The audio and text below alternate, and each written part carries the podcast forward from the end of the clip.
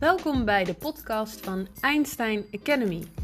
Het grootste spirituele centrum van de Bollenstreek met podcasts over NLP, hypnose en shamanisme.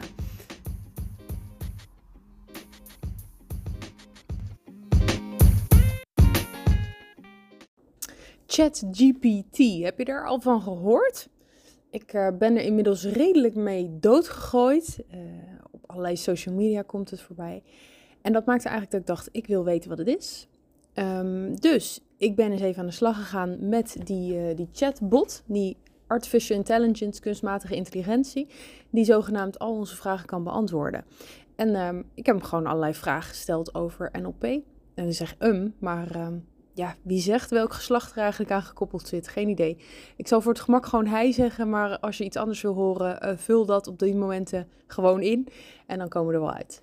Dus uh, ja, wat zou die weten van NLP? Um, ik ben uh, gewoon een vraaggesprek begonnen met het programma. Je kan naar een website gaan en dan vervolgens uh, zie je, ja, heb je een bepaald tikscherm waar je van alles kan tikken. En er komen antwoorden op.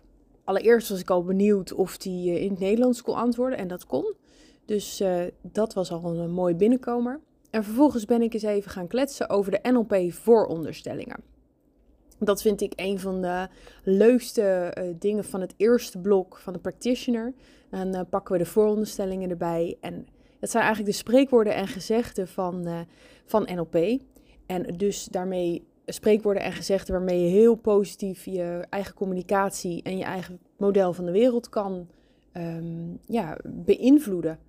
Dus niets is er mooier met gewoon een rijtje van die nieuwe overtuigingen. In de vorm van een vooronderstelling waarmee je ja, voor jezelf eh, simpele ezelsbrugjes kan houden of op een andere manier kan gaan kijken. Dat is wat NLP vooronderstellingen voor je doen. We hebben allemaal natuurlijk in het Nederlands heel veel uh, spreekwoorden en gezegden die uh, iets zeggen of iets leren. Ik denk zoiets als een vos verliest zijn streken niet. Dat, zegt eigenlijk heel veel over de persoon waar je dan over spreekt. Nou, het mooie is dat je dat als waarschuwing kan gebruiken of iets wat je in je oren moet knopen. Dat doen we vaak, vaak in taal. En daarnaast, uh, dus ook als je nieuwe vormen daarvan bedenkt die nog niet zo zijn ingeburgerd, dat je uh, daarmee dus ja, jezelf nieuwe waarschuwingjes of uh, gedachtensteuntjes kan, kan geven. Dat is precies wat NLP-vooronderstellingen zijn. Het zijn ja, spreekwoorden of gezegden die eigenlijk van, van andere mensen zijn gejat, kort gezegd. Is, uh, ze zijn op basis van uh, mensen, succesvolle mensen hebben vaak bepaalde dingen die ze zeggen, waarmee ze zichzelf uh, activeren en ook hun leefstijl op die manier hebben gemaakt. Die vooronderstellingen, dat zijn er dus zomaar 7, 15 bij ons in het programma, die daar op papier staan. Dus het zijn allemaal zinnen, overtuigingen en dingen waarmee bepaalde mensen succes hebben bereikt in hun leven. Dus ja, als een ander het kan, waarom dan jij niet, zou ik altijd zeggen. Maar terug naar ChatGPT. ChatGPT is dus uh, voor mij aan de slag gegaan met de NLP-vooronderstellingen. Dus voor mij was de eerste vraag van, joh, uh, ken je de vooronderstellingen van NLP? En het grappige was dat daar een antwoord uitkwam wat eigenlijk anders was dan ik had gedacht.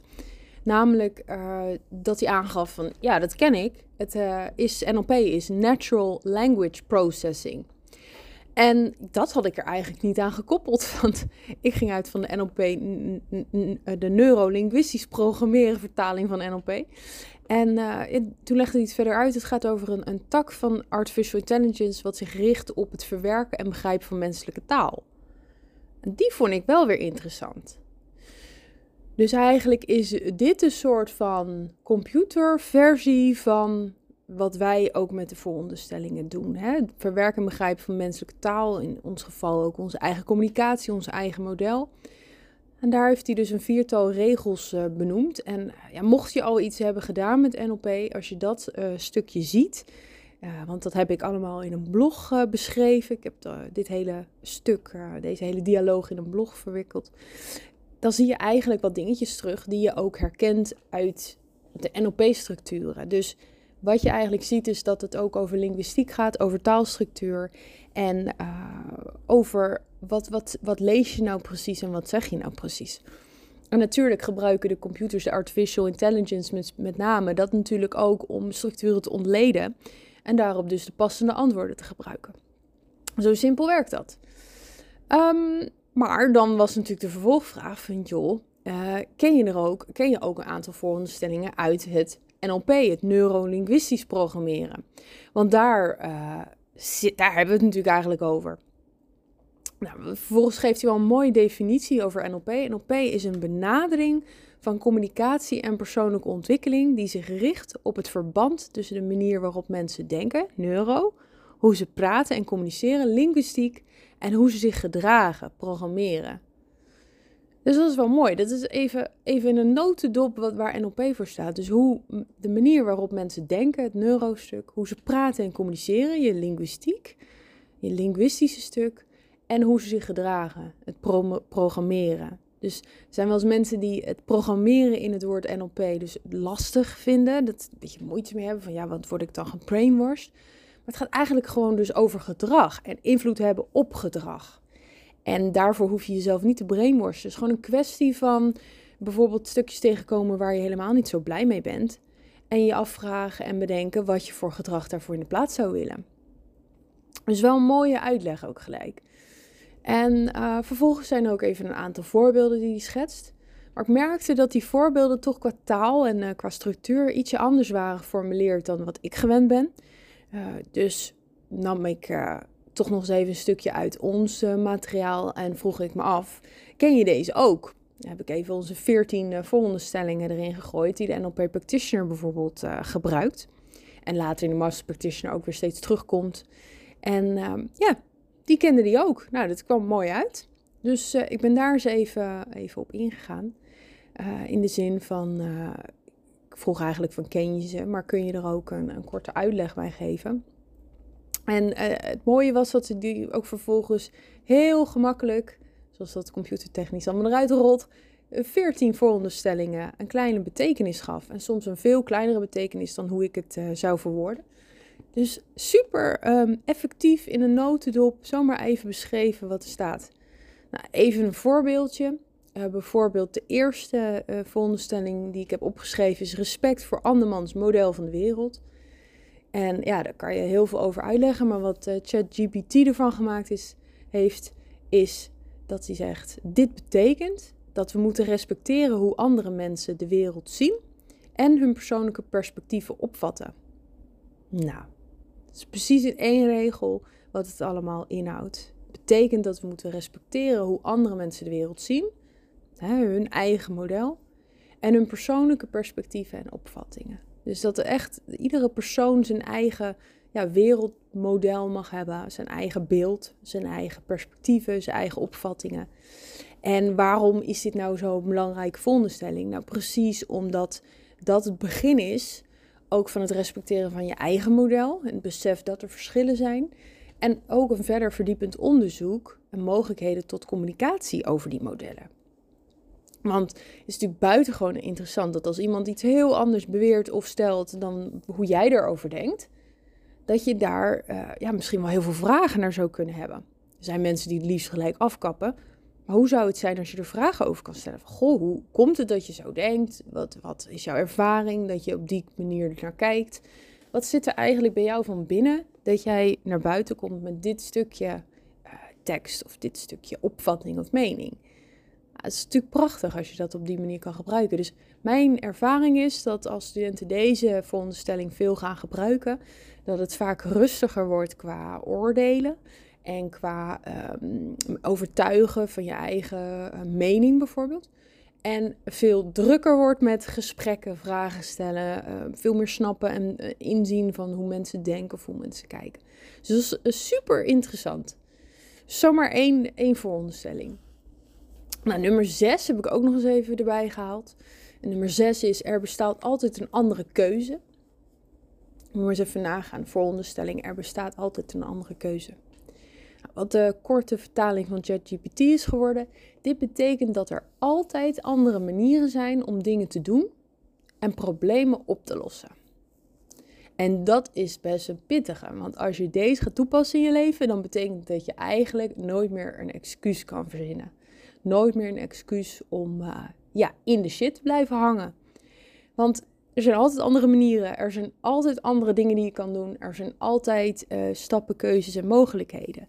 En veel mensen zijn op een bepaald punt, vinden ze het ook wel eens lekker om te zeggen: joh, ik kan er niks aan doen. Het is zoals het is, laat maar. Maar met deze veronderstelling kom je daar niet meer onderuit. Er bestaat altijd een andere keuze. Het is misschien niet een makkelijke keuze, dat zal ik je nooit verkopen. Maar het is een andere keuze. En dat is natuurlijk ook wel weer uh, plezierig. Dat je iets anders kan doen in plaats van vastzitten. En dat is misschien een van de dingen die ik uh, veel van mijn studenten adviseer. Van ja, je kan nog honderd jaar in dezelfde kringetjes blijven vastzitten. Maar hoe zou het zijn als je het anders zou kunnen doen? Hoe zou het zijn als je een andere keuze kan maken? Hoe zou het zijn als je ook die andere keuze doet en ervaart wat er dan gebeurt? Nou, dat kan enorm veel uh, opleveren in de zin van uh, ja, nieuwe, nieuwe stappen en nieuwe uitzichten. Dus ja, wel, wel weer een mooie korte uitleg van een, van een krachtige vooronderstelling. Ik heb er nog twee voor jullie uitgekozen. Dus uh, eentje is, er zijn geen problemen, alleen kansen waarvan je kunt leren. Die voel je misschien al een beetje aankomen. Dat is ook vaak wat we over feedback en dergelijke zeggen. En wat ChatGPT erover zegt, dit betekent dat elk probleem een kans is om te leren en te groeien. Nou, daar kom ik later nog even op terug, want daar heb ik nog iets uh, verdiepends over gevraagd. de tiende uh, veronderstelling die ik uh, had gevraagd, dat is achter ieder gedrag schuilt een positieve intentie. Dus achter ieder gedrag schuilt een positieve intentie. En ik weet dat deze nog wel eens discussie kan opleveren in, in mijn lessen. Want ja, hoe ga je verklaren wat het gedrag is van een dictator? Hoe ga je verklaren van iemand die mensen vermoordt? Hoe ga je verklaren uh, dat iemand echt uh, super bizarre dingen kan of mag doen en daarvan zeggen er zit een positieve intentie achter? Nou, als je goed gaat kijken, is het natuurlijk zo dat elke actie, hoe vreemd ook, dat iemand dat vanuit zichzelf vaak doet voor een stukje zelfbehoud. Dus een positief iets, een positief elementje. En dat betekent niet dat het gedrag niet positief is, maar gewoon dat positieve elementje is die positieve intentie. Daar heb je niks aan als je doodgeschoten wordt. Maar het kan wel eens helpen in een wat minder heftige situaties. Dat je ernaar kan kijken en kan zeggen: joh, weet je, het, het gedrag wat je hebt, echt, ik kan er helemaal niks mee. Maar ik zie positieve intentie. Of je bevraagt hem, hè? je vraagt aan iemand, wat is je positieve intentie erachter? Wat is nou precies die reden? Nou, en dan kan je misschien een heel ander antwoord krijgen dan jij had verwacht. Dus ChatGPT heeft het ook nog even voor me uitgelegd. Die zegt heel kort: Dit betekent dat achter elk gedrag van iemand een positieve intentie schuilt, ook al is het gedrag zelf misschien niet positief. Nou, dat is natuurlijk ook wat ik net uh, aan je uitlegde. Dus achter ieder gedrag schuilt een positieve intentie. Ja. Maar ja, met al die korte uitleg was ik er nog niet helemaal klaar mee. Want toen ik uh, ChatGPT raadpleegde, was het nog uh, ergens in het begin van januari. En uh, in het begin van januari staat het natuurlijk bomvol van alle nieuwjaarsideeën. hoe ga ik dit jaar succesvol doen? Wat, wat wil ik? Welk doel ga ik halen? Waar ga ik nou echt mee stoppen dit jaar? Dat soort dingen. Dus ik dacht, nou, daar moet ik wat mee. Ik heb dus ook gevraagd, wat zou je, welke vooronderstellingen zou jij kiezen? ChatGPT als alwetend AI-monster. Wat zou jij kiezen om van 2023 een geweldig jaar te maken? Heeft hij er twee voor me uitgekozen. Eentje is die nummer 8, die er zijn geen problemen, alleen kansen waar je van kunt leren. En de andere is nummer 12 op de lijst. Dat is kracht is het vermogen om gewenste resultaten te bereiken. Nou, voordat ik daar snel doorheen wandel. Eerst eens even die eerste. Er zijn geen problemen, alleen kansen waarvan je kunt leren.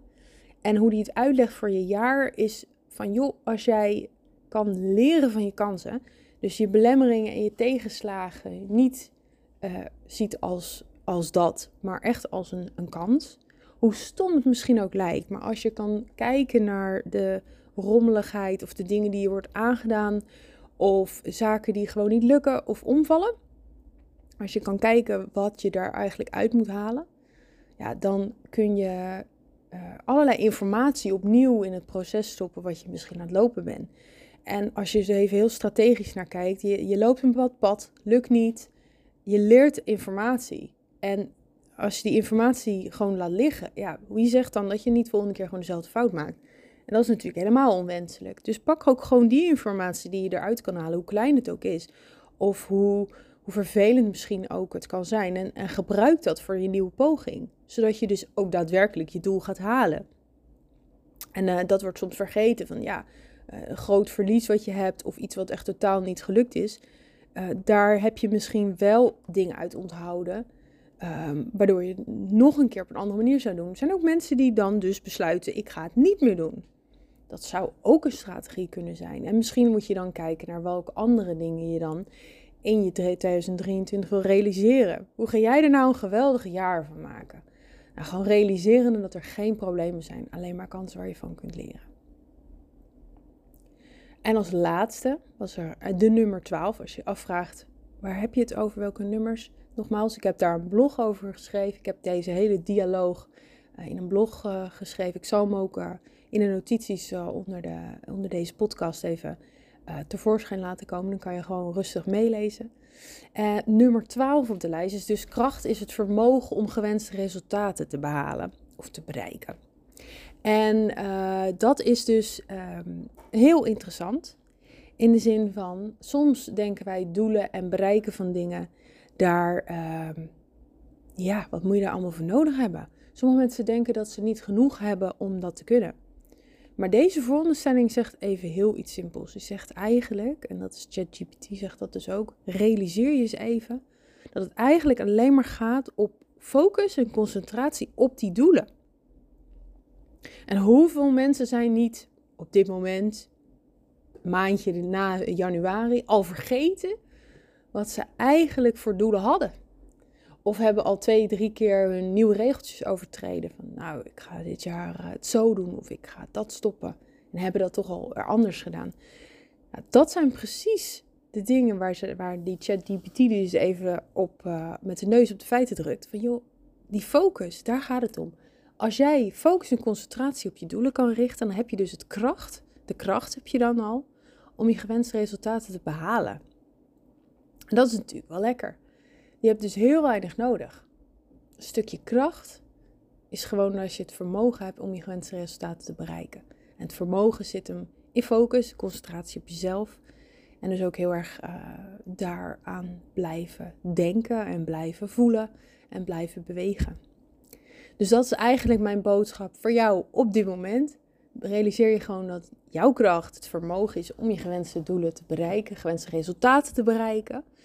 Dus de vraag is, joh, waar moet jij je nu echt weer eens even op focussen?